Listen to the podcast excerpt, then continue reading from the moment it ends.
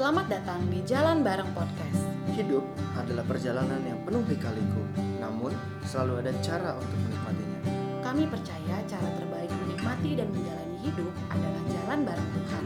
Aku Bobi, Dan aku Sepri, bersama-sama kita jalan bareng menemukan kebenaran dan harapan di dalam Injil. so senang bisa jalan bareng denganmu.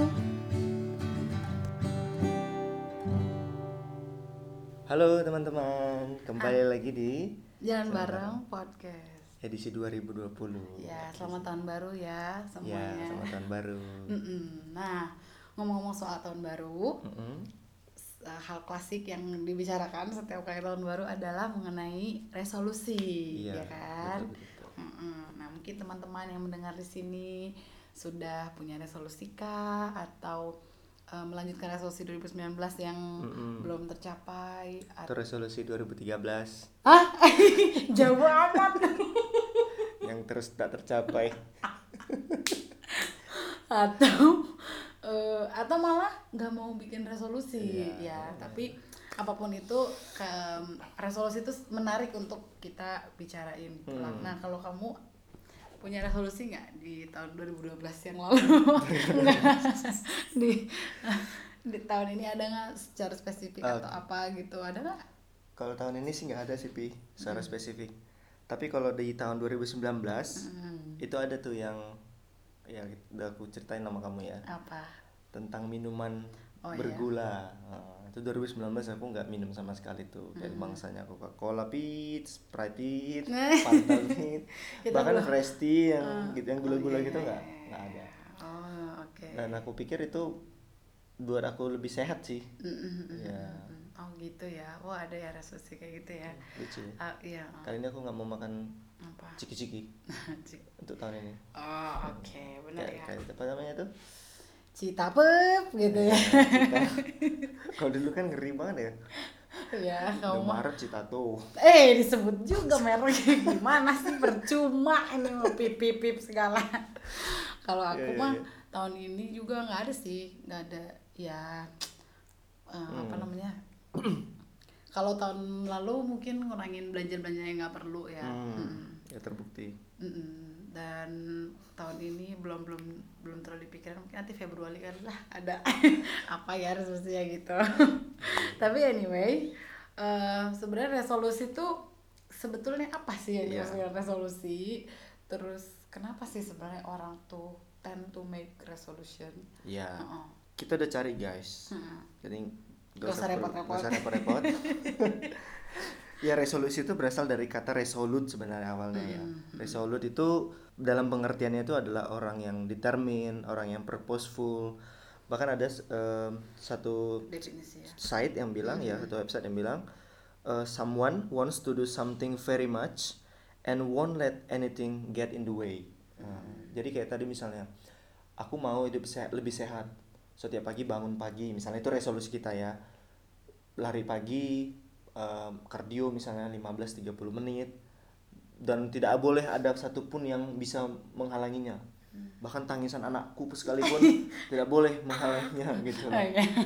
Ya, mungkin itu, itu Hmm, maksudnya saking misalnya, determinnya hmm, dia, saking purposefulnya dia untuk mencapai tujuan itu. Hmm. Kalau misalnya kita mau beresolusi, sebenarnya resolusi itu ya kita harus tentukan sesuatu yang benar-benar membuat kita mau ini tuh harus jadi gitu. Hmm. Nah, kalau nggak jadi, aku belum beresolusi. Oh, oke.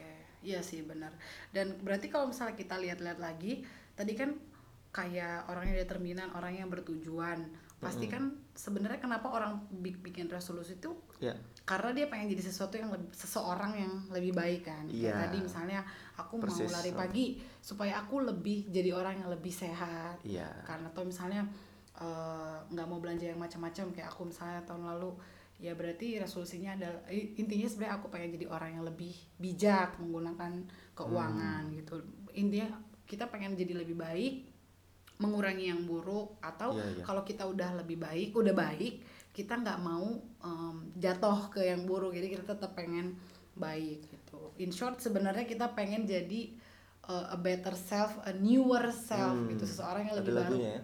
apa tuh To be a better Aduh, man. ya. itu lagu siapa ya aku nggak tahu loh ya itulah pokoknya yang mana sebenarnya menarik kalau kita pengen eh, lebih baik lebih baik lebih baik lagi Mhm. sebenarnya dengan kata lain kita tuh mengakui bahwa kita tuh belum baik ya nggak sih Hmm. ya kan berarti dengan kata lain kita Nice, betul. ya kan dengan kata lain kita mengakui bahwa diri kita yang sekarang tuh belum baik masih Iya. harus ada yang dipoles masih harus ada yang diperbaiki Iya. masih harus ada yang ditambahin ke dalam diri kita untuk jadi the better man tadilah atau the the better newer woman. uh-uh, the newer self gitu nah in short sebenarnya kita juga mau bilang bahwa kenapa kita pengen lebih baik karena kita belum baik karena kita udah berdosa nggak sih secara nggak langsung Iya. juga ya kalau kita di da- lebih dalam lagi gali lebih dalam lagi dalam hati kita berarti Hmm. kita sebenarnya secara nggak langsung mengakui bahwa kita tuh berdosa kita lemah maka kita pengen-pengen terus lebih baik gitu. Iya. Dan ini juga connect ya dengan cerita di dalam Alkitab dalam firman Tuhan bahwa dibuka dengan kejadian ditutup dengan wahyu itu ceritanya tentang hal yang baik. Hmm. Kejadian satu tentang hal yang baik, bahkan di, Di wahyu, Wahyu. pun wahyu 21 22 itu tentang bumi yang baru tentang Langit yang baru. yang baru, hal yang baik juga. Ya kalau kita ingat-ingat lagi waktu Allah menciptakan dunia ini, dia selalu bilang waktu selesai dia menciptakan segala sesuatu dia bilang sangat baik gitu ya. Uh, dan Allah melihat bahwa ini tuh itu baik, baik gitu. Dan sampai pada uh, penciptaan kita pun di hari yang keenam dia melihat kita tuh baik. manusia yang dia Meskipun ciptakan. kita melihat diri kita tadi belum Hmm, baik, belum baik ya sehingga kita mau beresolusi tadi ya menjadi orang yang lebih baik. Nah, karena efek yang tadi kamu bilang itu di kejadian tiga manusia jatuh dalam dosa, itu yang membuat kita menjadi tidak baik. Mm-mm. Yang tadinya baik jadi tidak baik karena apa? Karena kita mau mengambil apa ya posisi seperti sama dengan Tuhan. Waktu yang di cerita kejadian tiga waktu ditipu oleh si jahat bahwa kamu akan bisa menjadi seperti Allah loh katanya gitu kan. Itu kan sebenarnya dia mau menjadi eh, mengambil posisi Tuhan ya waktu kita mau eh, seperti Tuhan, seperti Allah menentukan baik dan buruk yang mana gitu. Moralitas itu standarnya standarnya aku gitu. Itu kan sebenarnya kita mengambil posisi Posisinya pencipta Tuhan. ya, pe- posisi si pembuat moral itu sendiri dan itu membuat kita menjadi jauh daripada image kita yang Awal awalnya tadi, ya ya. kita di- diciptakan baik segambar dan serupa pula dengan dengan Allah. si pencipta kita si Allah itu sendiri di awal juga kita sebenarnya kan Mm-mm. Eh, yang tadi sih kamu bilang gara-gara jatuh dalam dosa kita jadinya tuh membuat mengambil posisi Allah kita jadi diri Iya. kita sendiri yang jadi pusat akhirnya kita jadi nyusun standar-standar sendiri tadi Iya. kan nyusun tujuan-tujuan sendiri tadi kalau kita bahasakan kita nyusun resolusi-resolusi sendiri yang sebenarnya sifatnya dangkal dan Iya. amat sangat bergantung kepada kita sebagai manusia padahal di awal kan sebenarnya tujuan kita udah jelas Allah bikin Allah Iya. Allah ciptakan kita tuh untuk menikmati dia dan memuliakan dia Iya. selama lamanya kita juga punya hubungan yang harmonis dengan Allah Betul, dengan ya. diri kita sendiri dengan manusia dengan bumi gitu tapi karena dosa ya jadi kabur semua jadi Hmm. aut-autan waktu kita nyusun tujuan sendiri pun nggak jelas gitu maksudnya tujuannya ya tujuan buat kita sendiri untuk untuk menyenangkan Iya. kita sendiri kalau nanti hasilnya baik juga supaya kita ngerasa diri kita benar misalnya tadi "Ah, aku nggak mau eh, misalnya aku nggak mau eh, minum minuman yang bersoda atau minuman yang bergula bermanis-manis gitu. Eh, mungkin M-nya kita bilangnya kayak kamu tadi untuk lebih sehat gitu. Tapi deep down mungkin ada perasaan kayak kalau aku udah berhasil Ya. aku akan merasa diriku lebih lebih benar dibandingkan orang-orang yang lain yang masih minum minuman tersebut Iya. gitu. Aku juga sih kayak gitu.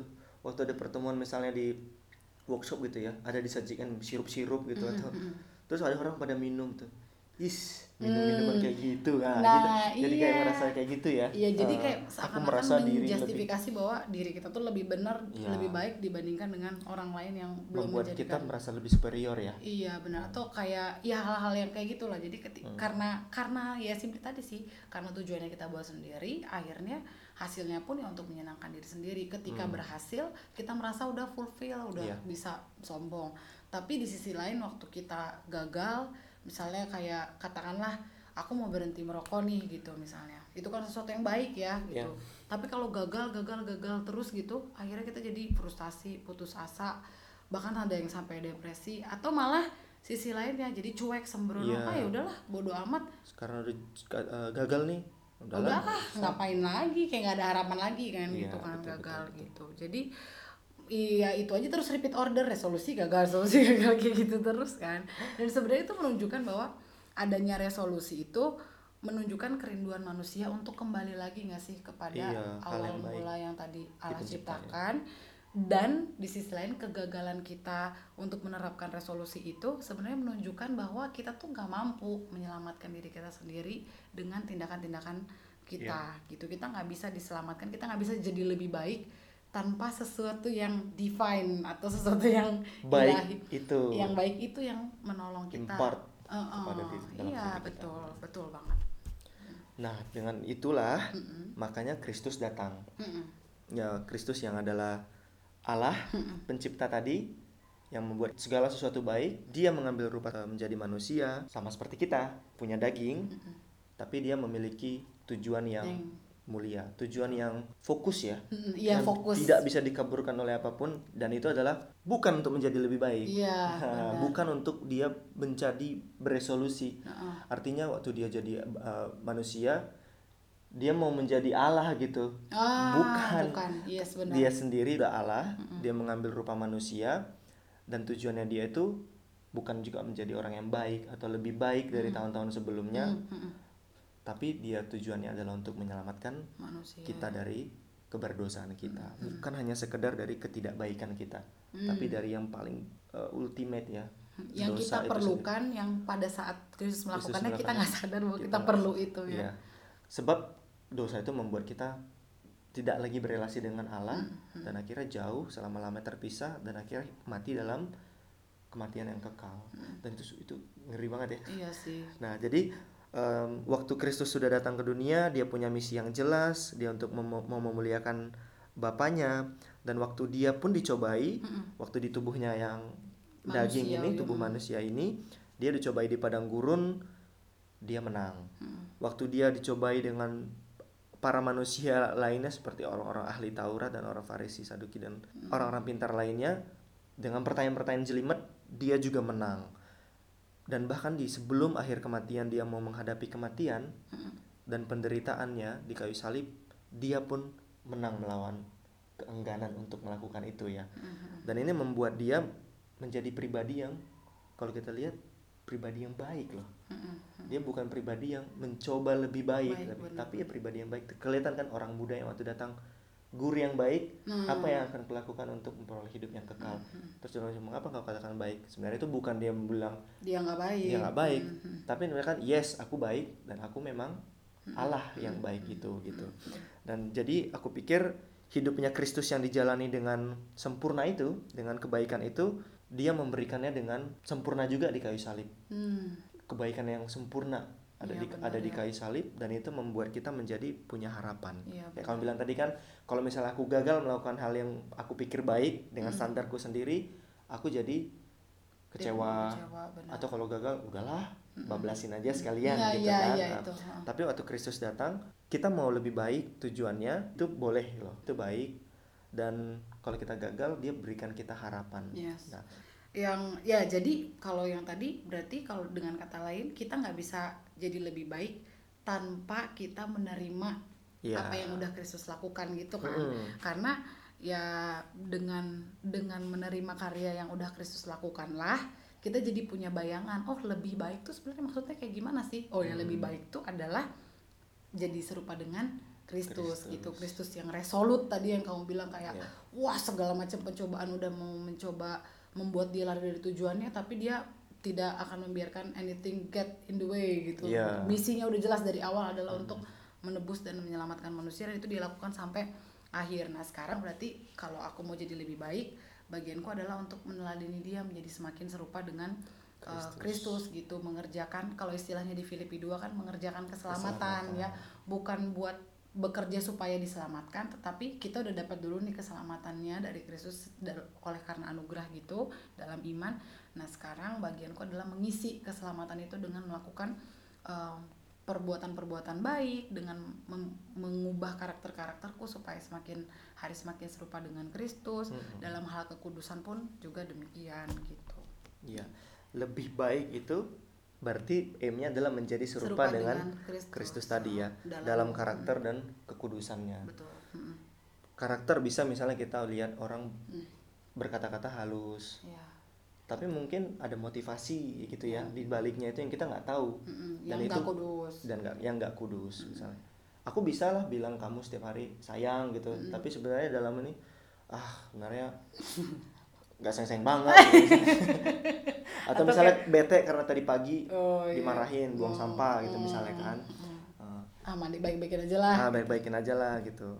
Dan aku pikir ya karakter dan kekudusan Kristus itu yang perlu kita jadikan target resolusi Iya kita. benar itu tah. Nah, Mm-mm. jadi waktu kita mau jadi lebih baik karena kita mau melihat Kristus yang baik. Jadi waktu kita mau lebih sehat pun kita mau pakai hidup kita sebenarnya. Aku mau lebih sehat melayani Kristus Yes gitu. benar.